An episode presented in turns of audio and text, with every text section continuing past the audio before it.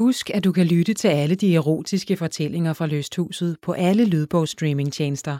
Bare søg på Lysthuset. God fornøjelse. Sex er godt. Sex er sundt. Sundhedsstyrelsen går ind for sex. Vi er seksuelle væsener. I film og tv-serier ser vi de unge og smukke gøre det. På nettet kan vi se det på alle tænkelige måder. Og i litteraturen gemmer det sig overalt. I will blow whomever I want as long as I can breathe and kneel. Men hvilke erotiske fantasier, drømme og dilemmaer gemmer der sig rundt omkring os i det virkelige liv? Lige nedenunder den pæne overflade. I den her podcast vil brevkasseredaktør Majse Njord kravle helt ind i dine erotiske fantasier. Sammen med en masse erotikkloge gæster vil hun hver uge sommeren over besvare og give gode råd om dine hede fantasier, seksuelle længsler og dit våde begær. Velkommen til den erotiske brevkasse. Christine Tit, du er tegneserietegner og øh, i gang med at skrive og tegne en bog om orgasmer. Og den udkommer den 23. september. Men det vil sige, at du har jo researchet en del Ja. indtil videre. Ja. Hvad er en orgasme? En orgasme, det er en udløsning af seksuel energi, kan man sige. Ordet, det består af or- orgasme, organisme og spasme. Og det er jo fordi kroppen tager over, når man får en orgasme. Og som regel føles det jo rigtig lækkert. Øhm, ja, det er det korte svar. Men der er jo også nogle mennesker, der aldrig kommer til at opleve det. Ja. Altså, du har lavet en del research på det. Man kan sige, du er, en, er, du, er du orgasmespecialist? Ja. det er jeg øhm, der er jo nogen, der aldrig kommer til at opleve det. Ja. Hvorfor det? Øh, det er ikke, altså, jeg tror nu til dags er det ikke så mange, der ikke aldrig oplever det. Men det er rigtigt, der er nogen, der aldrig oplever det. Øh, jeg ved ikke hvorfor. Det tror jeg ikke, det har jeg ikke stødt på noget resultater i. Øh, men man kan sige, at rigtig mange, øh, der har en klitoris, de oplever øh, typisk orgasmer lidt senere i livet. Øh, der er mange, der først oplever det i starten af 20'erne. Og førhen har, er der mange, der først har oplevet det endnu senere, i det, jeg har kunne læse mig frem til. Ja, Ja, øh, din- 40'erne, helt op i 40-årsalderen, før man har fået sin første orgasme. Hvad har man så lavet indtil da? Altså, øh, man kan sige, noget af det, jeg har stødt på, jeg læste noget sådan forsknings øh, fra 50'erne, 1950'erne, og der vidste man jo slet ikke engang, hvor klitoris var. Altså, der har de været ude og interviewe nogle par, og nogle, altså, hvor at de, der var blandt andet en mand, der havde peget på en skønhedsknop ved siden af, kussen, og troede, det var klitoris. Og så er der jo lang vej igen til at få orgasme. Ja, men det, ja, for din bog har jo også noget historisk over sig. Altså, det, der er der også, du, du går også gennem tiderne, Ja. hvor, hvor øh, øh, kvinder jo også blev, han, blev behandlet for øh, hysteri, hvis de var lidt øh, småliderlige. Ja. Øh, men det var jo mændene, der syntes, det var et problem, eller hvad? Altså man kan sige, jeg tror, man har betragtet øh, kvindelig seksualitet som et slags biprodukt af en mands udløsning. I hvert fald øh, sådan fra middelalderen og frem. Og det er jo især, tror jeg, middelalderen, der også har spillet ind med, nogle, øh, med en syn på sex og seksualitet, som, hvor sex handlede om at lave børn. Øh, og måske ikke så meget om nydelse. Øh, og jo også nogle helt andre, kan man sige, forfærdelige ting øh, omkring for eksempel voldtægt og ja. Øhm, så ja, derfor jeg synes, det var interessant. Altså, jeg, i min bog, der er både noget omkring øh, anatomi, øh, så er der noget omkring historie, men der er også noget omkring skam, og nogle af de ting, som jeg tænker er vigtige, øh, også for os i dag. Øh, fordi at kvindelig seksualitet er blevet gjort forkert i mange år, mange hundrede år. Og det, det sætter jo spor stadig. Hvordan Øhm. øh, tænker du, at vi st- stadig føler skam? Jamen, øh, altså for eksempel, øh, jeg har et eksempel i bogen omkring øh, porno i England, der er det forbudt øh, for kvinder at have øh, få sprøjteorgasmer. Og øh, man ved faktisk ikke så meget om sprøjteorgasmer. Forskerne de bruger mest krudt på at undersøge, om det er tis. Og det er jo, en, det er jo ærgerligt, fordi det er faktisk noget, der føles dejligt. Og så er det sådan, det er lige før jeg vil sige, det er underordnet, om det er tis. Øh, det er måske mere interessant at finde ud af, hvem får det, hvor mange får det, hvorfor får de det. Øh, sådan noget, end om det er tis. Altså det er ligesom, ja. et forkert fokus. Ja, men altså... Og så det der med at forbyde det er jo også problematisk, fordi man, nu er der ikke så mange, der får sprøjteorgasmer, men, men hvis det er noget, man får, når man får orgasme, så føler man sig jo rigtig forkert, hvis, man, hvis det er decideret forbudt. Øh, for eksempel at vise det på film. Øh, pornofilm. Er det fordi, det ser øh, mere klamt ud end en, en mand, der kommer ind i ansigtet på en, en kvinde Ja, altså det, altså det er et godt, i, i deres, øh, det er et godt optik. spørgsmål. Altså, jeg ved det ikke. Jeg tænker, det, jeg, jeg ved det ikke. Altså, det må være et levn fra... Øh, ja, jeg ved det ikke. Det er et godt spørgsmål. Det er også forbudt for eksempel for kvinden at sidde øh, oven på partnerens ansigt og få oral tilfredsstillelse. Altså i en pornofilm? Ja, ja. i dem, der er produceret i England. Ja. Nu kan man så sige, at porno bliver produceret alle mulige steder, også hjemme i folks egne hjem, så de kan jo ikke styre det. Men det siger jo bare noget om det, at der er noget lovgivning, at man prøver at styre det. Øh, og det er jo også ærgerligt, for det sender også et helt skævt signal, at man som kvinde ikke må være øverst, for eksempel. Mm. Og der ved jeg ikke, hvad de er bange for, om de er bange for, at partneren bliver kvalt eller hvad. men der, var, der har været kritikere fremme, da det kom frem. Det var nogle år siden. Men, øh, men ikke så mange, og det har jo typisk været pornofilmsproducenter, og, og kun nogle få, altså de få, der så er feministiske inden for det, som har kritiseret det. Og alle vi andre går jo rundt og ved det ikke, altså fordi, hvor, hvor skulle man vide det fra? Mm. Jeg ved det jo kun, fordi jeg så dykkede ned i det, det her emne, ikke? Ja, nu, har du så, øh, øh, nu ved du jo så rigtig meget om orgasmer. Hvad har været det mest øh, overraskende, du har fundet ud af? Jamen, jeg har virkelig blevet overrasket mange gange. Altså virkelig mange gange. Og, og, øh, og igen og igen. Og også øh, faktisk været sådan, at jeg helt er kommet til nogle gange faktisk næsten at græde, når jeg har siddet og faldet over noget nyt. Altså fordi... Øh, Ja, altså det, det er så overraskende tal nogle gange, og så overraskende fakta. Og nu kan man sige, at det er jo en sjov bog. Altså det er jo oplagt at vente om at lave satire af det, men der er jo noget tragisk i alt det her. Øhm, for eksempel, at klitoris først blev fundet i 1998.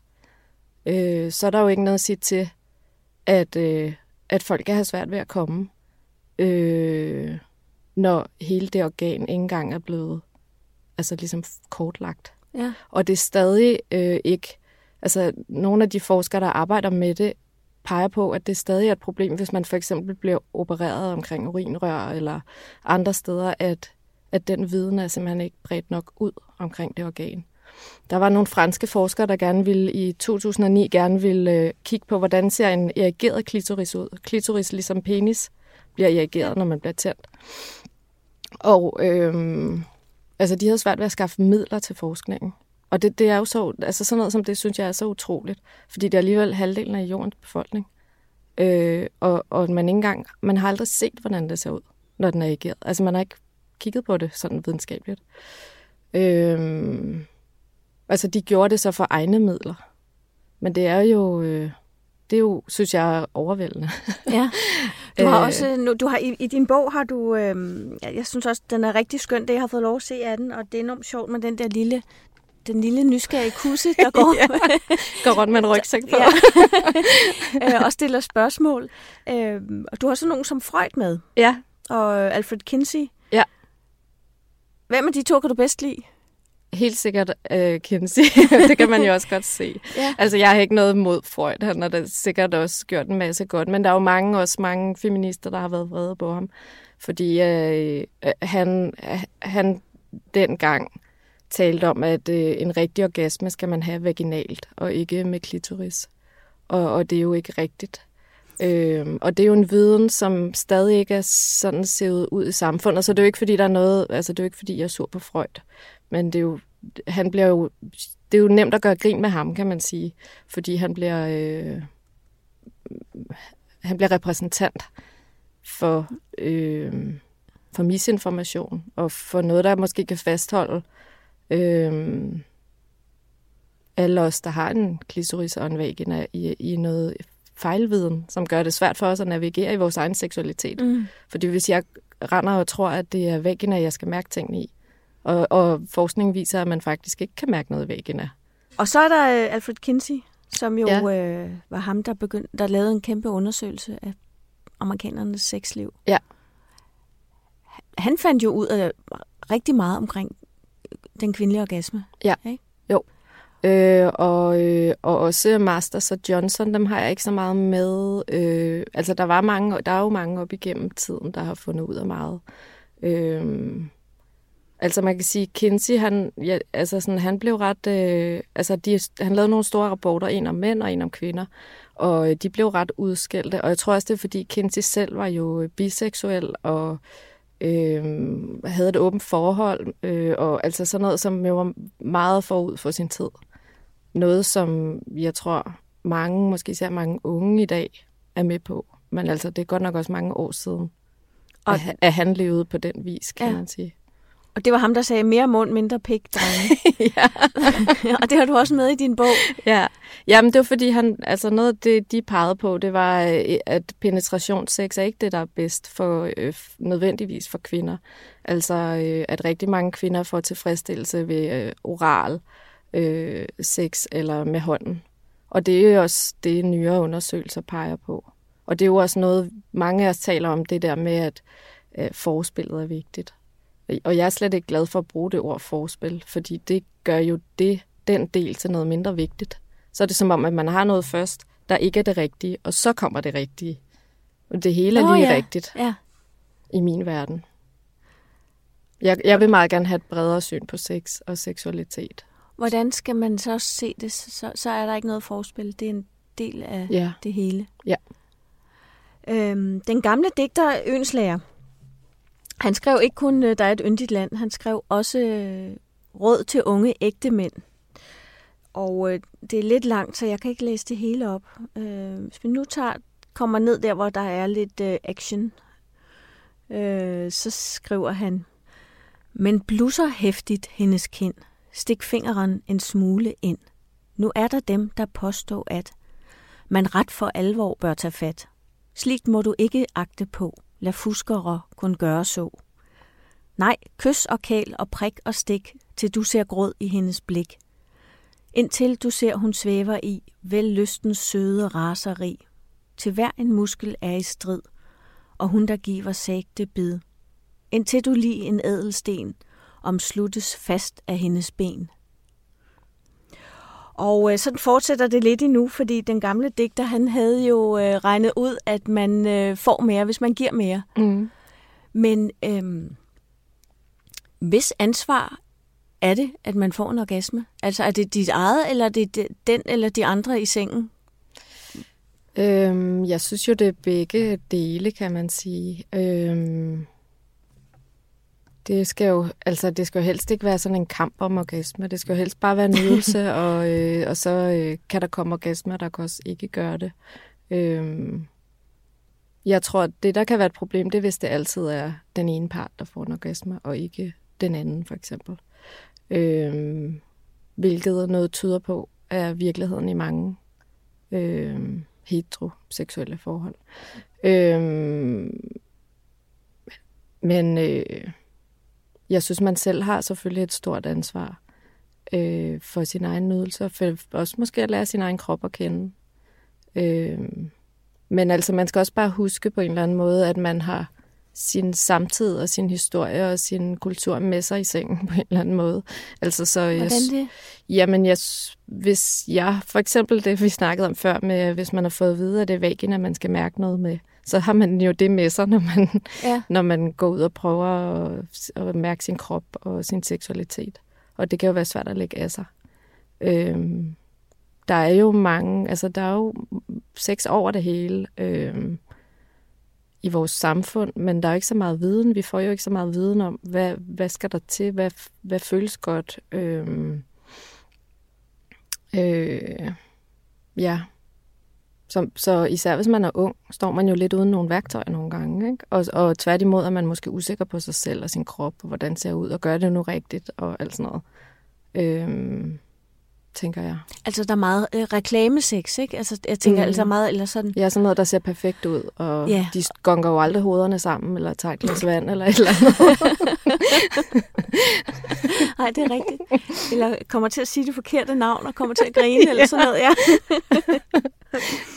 øhm, men helt konkret, hvordan siger man til den anden person, hvad man godt kan lide? Fordi det kan jo også føles ret pinligt, hvis det er sådan lidt en... Man, altså, man har ikke lyst til at skrive en manual. Nej. Hvor, skal man, kan man godt sige det med ord? Eller skal man sige det med lyde, andre lyde, eller hvordan? Man kan jo gøre begge dele, ja. tænker jeg. Altså, øh, jeg, jeg synes personligt også, at det er super grænseoverskridende og svært at gøre de der ting. Men øh, altså, hvis man kan og tør, og så bliver det jo så smukt, altså, at man tør være ærlig og åben over for den anden. Øhm, og jeg tror også, det handler om en kulturændring. Vi skal, altså, vi står for, hvor vi skal ture det, og, og vi skal måske også ture og snakke sammen om, om at gøre de her ting. Ja, men også fordi, jeg tænker nogle gange, at det kan let blive sådan, at når man går i seng med en, så går man i virkeligheden også lidt i seng med alle de andre, man, der kom før den mm. person. Fordi man jo har lært af hver af dem, man har, har haft et, øh, et forhold til. Ja. Så, så det kræver også lidt, at man virkelig ser det her mm. andet menneske. Ja. Okay, hvem er du? Hvad kan du godt lide? Så man ikke kommer til at gentage det samme, man har gjort med Bjørn, Benny og Ah, okay, eller hvad de hedder. Ja. ikke lige ja, de to ja. navne. øhm, øhm, at, at, man, at man ser det der mennesker, det kan måske også være svært, tænker jeg nogle gange, fordi man, man øh, jeg tænker i hvert fald, jeg kender mange kvinder, som siger det der med, at de er nærmest så optaget af sig, af sig selv, mm. eller af den anden syn på dem, at de glemmer at bare nyde. Ja. Altså fordi de, man skal også, altså det er jo svært at få en orgasme, hvis man både skal trække kinderne, maven og hofterne ind. Ja, også, præcis. Øh... Og det tror jeg nemlig, der er mange, der bokser med. Altså man kalder det spectatoring, at man ligesom kigger på sig selv udefra, eller hvad kan man sige, undervejs. Øhm, altså jo mere tror jeg, man kan prøve at opleve og, og have det sjovt og øh, nyde sig selv. Og også, øh, jamen, også øve sig uden en partner. Altså købe en masse sextoys og du ved, prøve nogle ting af. Altså, der er jo så meget på nettet. Og øh, altså, jeg følger alle mulige vildt sjove ting på Instagram, hvor det netop er meget sådan, det er ikke sådan noget, du ved, det er sådan meget, det er meget lækkert på en eller anden måde. Altså, det er sådan meget, det er ikke sådan noget erotikmæsse, vel? Altså, det er sådan lige, det er lidt mere øh, nice. Ja. Altså, øh, der findes masser, som, hvor det, hvor det Jamen, hvor det bliver lidt lækkert for en selv. Ja, og, og øhm. som Truman Capote sagde, så øh, sex med sig selv er så rart, fordi man ikke behøver at klæde sig pænt på.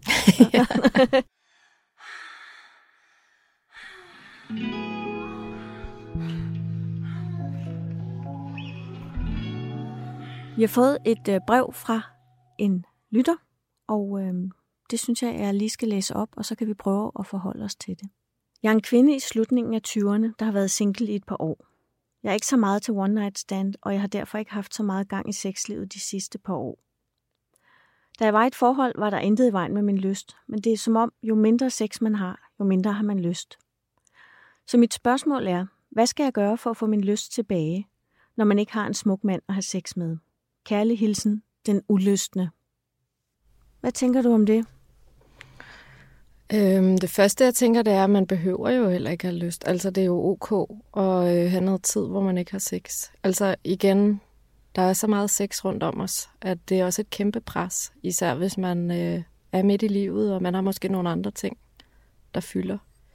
Øhm, så det er vel ok ikke at have sex, hvis man ikke er interesseret i one night stands. Og, øhm, altså, når det så er sagt, så hvis det er noget, som den, der har skrevet brevet, er interesseret i, øh, jamen så vil jeg nok, ligesom vi snakkede om før, starte med mig selv og, øh, og finde ud af, ligesom, hvad har jeg lyst til, hvad har jeg brug for. Altså prøve at kigge på, der findes jo porno, altså som alt muligt slags porno. Det kan man jo prøve at kigge. Eller netop købe noget, nogen, noget udstyr. Eller ligesom, øh, hvis, hvis der skal altså ligesom en partner til, så kan man jo gå efter at prøve at finde en partner, ligesom. Altså, ja. Men jeg tror, det kan være godt at ændre fokus til sådan at skulle prøve at være noget bestemt, eller altså... Ja. Øhm. Men jeg, jeg tænker også, at, øh, at det erotiske ikke nødvendigvis har noget med sex at gøre. Mm. Altså man kan vække nogle andre sanser. Mm. For, fordi jeg har da været i samme båd, øh, som hende, der skriver ind her. Øh, så begyndte jeg for eksempel at vinterbade. Mm. Fordi så mærker man sin krop på en anden måde. Ja, præcis. Øh, og øh, i virkeligheden sige, at, at man, hvis man bryder rutinerne, så lægger man mere mærke til sig selv og sin mm. egen krop. Altså sådan noget med, øh, hvis man er vant til først at stå op halv otte og, og drøne på arbejde, så øh, har jeg opdaget her i Corona Times, at hvis jeg stod op klokken 5 og gik en tur i skoven, så var det helt fantastisk. Så var mm. Det nogle andre sanser, jeg brugte. Ja. Øh, så jeg tænker, det er også sådan noget med, altså, øh, at- det behøver jo ikke være direkte ned i trussen. Nej. Det kan jo være øh, Præcis. alle mulige sanser, man vækker igen. Ja. Og det er også noget med, hvad er det, man har behov for, fordi hvis man er single og har været det i mange år, altså det har jeg, det er jeg også, og det har jeg også været, og der er det ikke sex, jeg har mest brug for. Der er jo nærhed og omsorg, og Mm. nogen, der ser mig, og nogen, der rører ved mig, og, altså det, og det synes jeg, der er totalt fint. Altså der er jo også med alt det netdating, eller hvad man kalder det, altså med Tinder, og, alt- altså der er jo sådan en eller anden forestilling om, at man lige for har sex med en eller anden, og altså, hvis man ikke har lyst til det, synes jeg også, at det er totalt fint.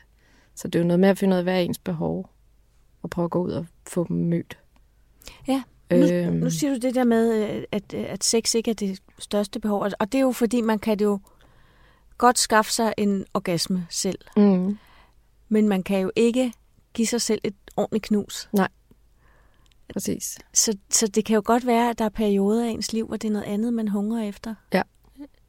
Noget, som du siger, noget nærvær. Mm, Og noget, ja. Men så synes jeg også, altså sex er jo også mange ting. mm, For- Fordi øh, for mig kan det også være en øh, rigtig sjov samtale, for eksempel. mm, Øh, det tænkte jeg, da jeg var gift, så tænkte jeg, gud, var jeg utro mange gange om dagen. Øh, Mm. når, når man har en vild sjov samtale med en kollega, for eksempel. Ja. Altså, det, det er jo også noget med at, at, at, at se, nu sagde du det der med porno, at det behøver, erotik behøver jo ikke være noget med, altså med sex i virkeligheden. Nej, det kan Nej, jeg er helt enig. Og det kan også bare være ligesom altså, sanselighed og ja, mad, musik, alt må, altså når man mærker sig selv.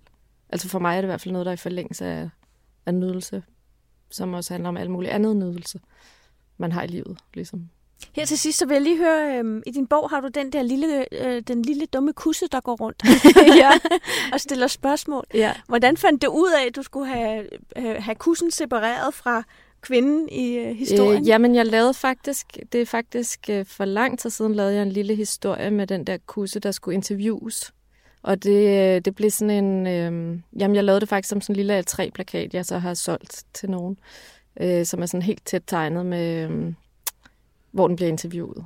Altså det, det var rigtig sjovt at prøve at give den en stemme.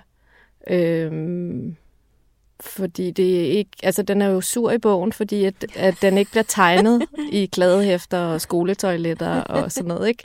Og der er jo fakt, det er jo faktisk ret sjovt. Altså der var en af mine bekendte, der kaldte den den lille kiwi. Altså fordi i starten kunne folk jo slet ikke rigtig se, hvad det egentlig var, jeg havde tegnet, for vi er slet ikke vant til at se kusser tegnet, eller omtalt, eller på den der måde, vel? Altså de er jo meget usynlige i, i vores hverdag på en eller anden måde. Hvor man ser jo nok flere pikke tegnet rundt omkring. I hvert fald på toiletter, synes Ja. jeg, der er en del. Ja. ja. Så øh, jeg er rigtig glad for, øh, at du øh, var med i dag. Og Ja. øh, held og lykke med, med din bog, Tak. og med at få den lille kusse frem. Ja. Ud i verden. Ja. tak fordi du kom.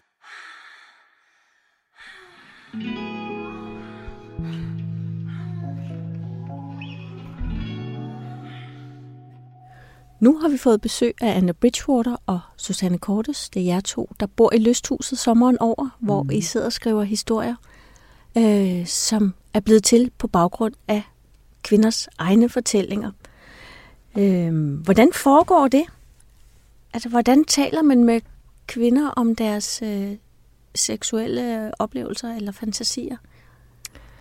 Altså, det foregår meget lettere, end jeg først lige havde forestillet mig. Altså, det er sådan en af de der ting, når man først sådan lige får stillet det rigtige spørgsmål, så øh, flyder det jo derud af med fantastiske historier og, og, og dejlige detaljer. Og øh, øh, egentlig har det foregået øh, uden den blufærdighed, jeg havde regnet med at, at ramle ind i.